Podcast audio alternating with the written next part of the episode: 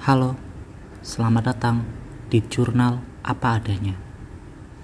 Kali ini saya ingin menceritakan terlebih dahulu. Sebenarnya apa sih kanal ini?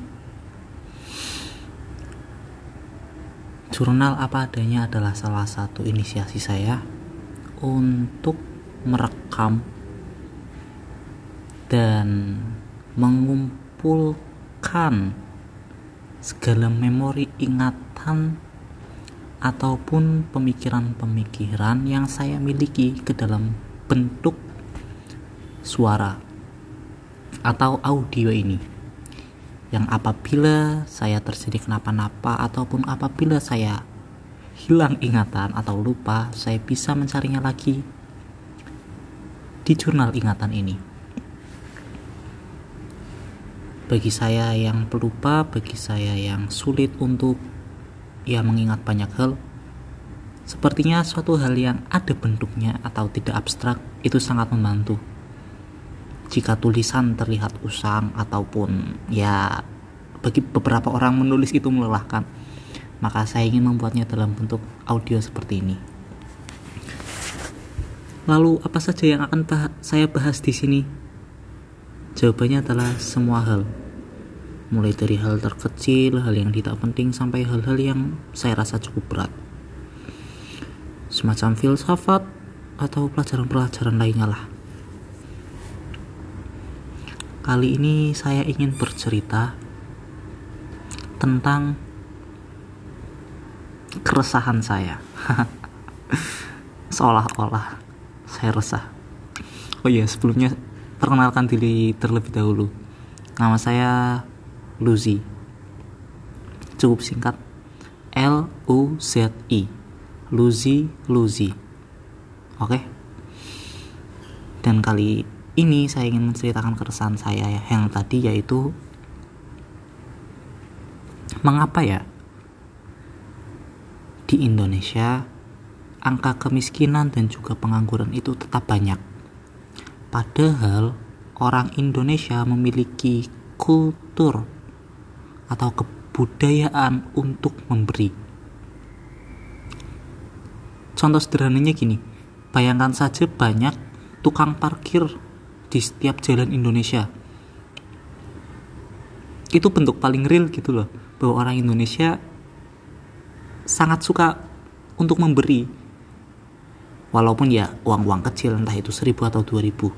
Dan mereka rela-rela saja gitu loh. Ya walaupun ada beberapa orang yang merasa kenapa tukang parkir ini tiba-tiba datang? Padahal saat saya ke sini pertama kali dia nggak ada. Kenapa dia tiba-tiba ada ketika saya mau pergi? Ya walaupun ada hal seperti itu. Cuman bagi beberapa orang memberikan tukang parkir sebuah uang itu merupakan hal yang biasa saja bukan suatu keberatan itu satu contoh contoh lain adalah sedekah kepada pengamen ataupun yang lain sebagainya. Kita sering melihat di jalanan ataupun di tempat-tempat ibadah kaum mayoritas bahwa banyak orang yang meminta-minta dan banyak juga orang yang memberikan uang kepada mereka. Pertanyaannya adalah dengan sedemikian banyaknya orang yang rajin memberi, kenapa orang Indonesia tetap berada di ekonomi ke bawah. Kenapa orang Indonesia tetap miskin dan banyak pengangguran? Menurut saya, hal yang salah atau yang kurang tepat atau apa pun istilahnya itu adalah objeknya. Kalau misal kita hanya memberi orang uang begitu saja, maka uang itu akan hilang. Ya seperti hanya ketika kita memberi makan kepada seseorang. Setelah dia makan, dia kenyang, Lalu apa? Tidak ada kelanjutannya, tidak ada kontinuitas ataupun follow up. Kalau biasanya di aktivis atau organisasi biasanya sering membahas hal-hal tersebut. Kalau melakukan hal ini harus ada follow up-nya agar hal itu bisa terwujud dan berkelanjutan. Sederhananya seperti itu. Misalkan gini, kalau kita memberikan uang itu untuk mendirikan suatu lahan pekerjaan maka itu akan lebih pas karena dapat mengurangi pengangguran. Dan semakin sedikit pengangguran bukankah berarti ekonomi kita akan semakin naik? Logika sederhana. Namun entah bisa terwujud atau tidak saya tidak tahu. Cuman ini adalah keresahan saya. Apa yang saya pikirkan apa yang saya pikirkan begitu saja. Bayangkan saja seperti ini ya. Kalau misal pada setiap minggu sebuah masjid atau musola dapat mengumpulkan uang sebanyak satu juta. Misalkan satu juta cukup banyak loh dan sepertinya masjid-masjid wajar untuk mengumpulkan uang sebegitu banyaknya hanya dalam satu minggu kalau satu juta itu dibelanjakan atau diputar atau dialih bentuk menjadi sebuah lahan pekerjaan seperti jualan makan atau atau apa pun itu maka uang itu akan menjadi berkali lipat dan itu akan membantu perekonomian di daerah tersebut. Lalu bagaimana jika misalnya kita tidak mendapatkan uang, jika tidak ada modal? Sebenarnya itu cukup aneh menurut saya. Karena ya pada realitanya orang-orang itu sangat rajin memberi. Bukankah sudah menjadi rahasia umum atau bukankah sudah menjadi hal yang umum bahwa para pengemis di jalanan terkadang mereka lebih kaya daripada yang memberikan uang kepada mereka. Ada suatu cerita yang pernah saya dengarkan dari relasi saya, dari kawan.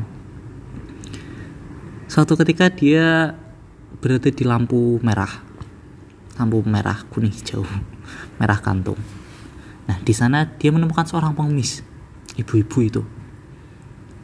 Menemukan seorang pengemis, lalu dia meminta-minta. Pada hari pertama dia memberikannya karena rasa iba. Lalu kemudian setelah beberapa hari berlalu, teman saya itu lewat pak jalan itu juga.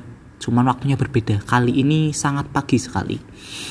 Dan pada saat pagi itu, alangkah terkejutnya teman saya karena sang pengemis itu datang diantar oleh anaknya dengan menggunakan sebuah mobil.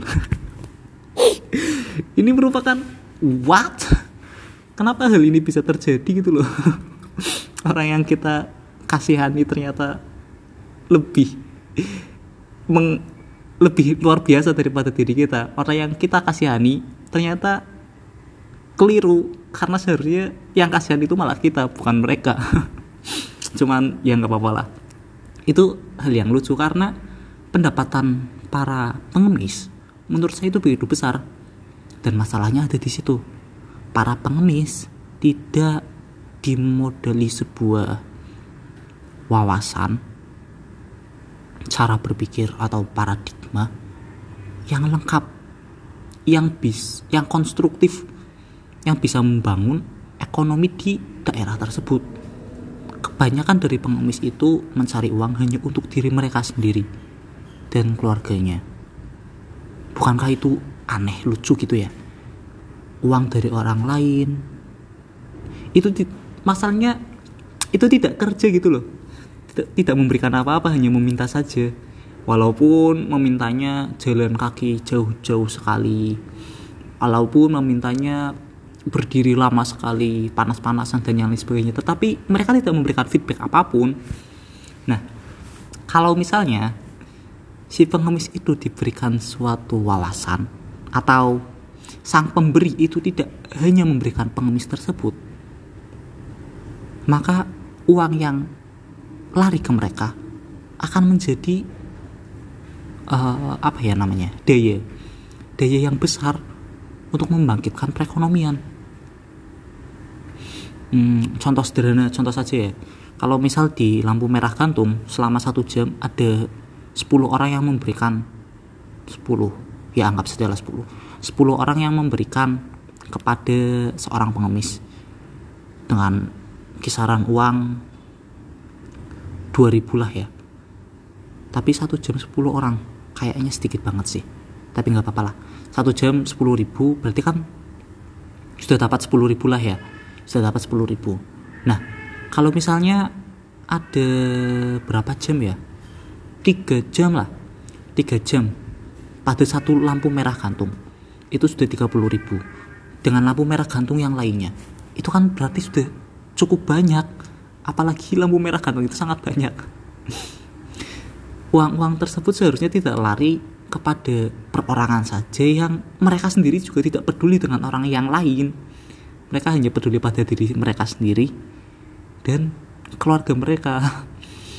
Padahal niat awal dari bersedekah atau memberi uang itu kan sebenarnya baik untuk kebermanfaatan orang lain untuk memberikan uh, berbagi rezeki ataupun yang lain sebagainya. Dan kata berbagi di sini itu kan sama sekali tidak selfish tidak egois tidak hanya untuk perorangan diri tetapi untuk masyarakat yang luas dan juga umum. Nah apabila uang-uang itu lari ke tempat yang tepat maka seperti yang saya katakan tadi itu bisa menjadi daya yang besar untuk memulihkan atau membangun, memajukan perekonomian pada daerah tersebut. Hah, mungkin itu saja pemikiran saya kali ini. Kurang lebihnya ma mohon maaf dan sampai jumpa di jurnal apa adanya berikutnya. Saya Lucy, terima kasih.